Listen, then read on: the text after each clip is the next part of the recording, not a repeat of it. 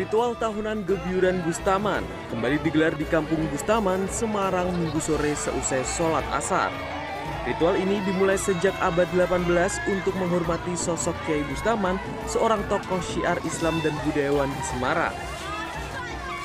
Puncak tradisi ini adalah perang air warna-warni antar warga, sebagai simbol bersih diri lahir batin dan kegembiraan menyambut datangnya bulan suci Ramadan.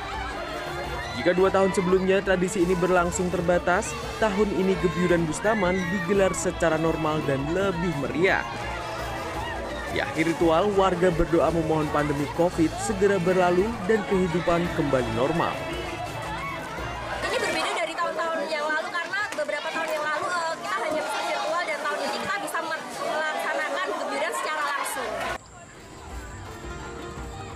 Ratusan pelajar dan santri Taman Pendidikan Al-Quran di Kecamatan Rowo Kangkung, Lumajang, Jawa Timur melakukan pawai ta'aruf menggunakan sepeda hias untuk menyambut datangnya bulan suci Ramadan 1443 Hijriah.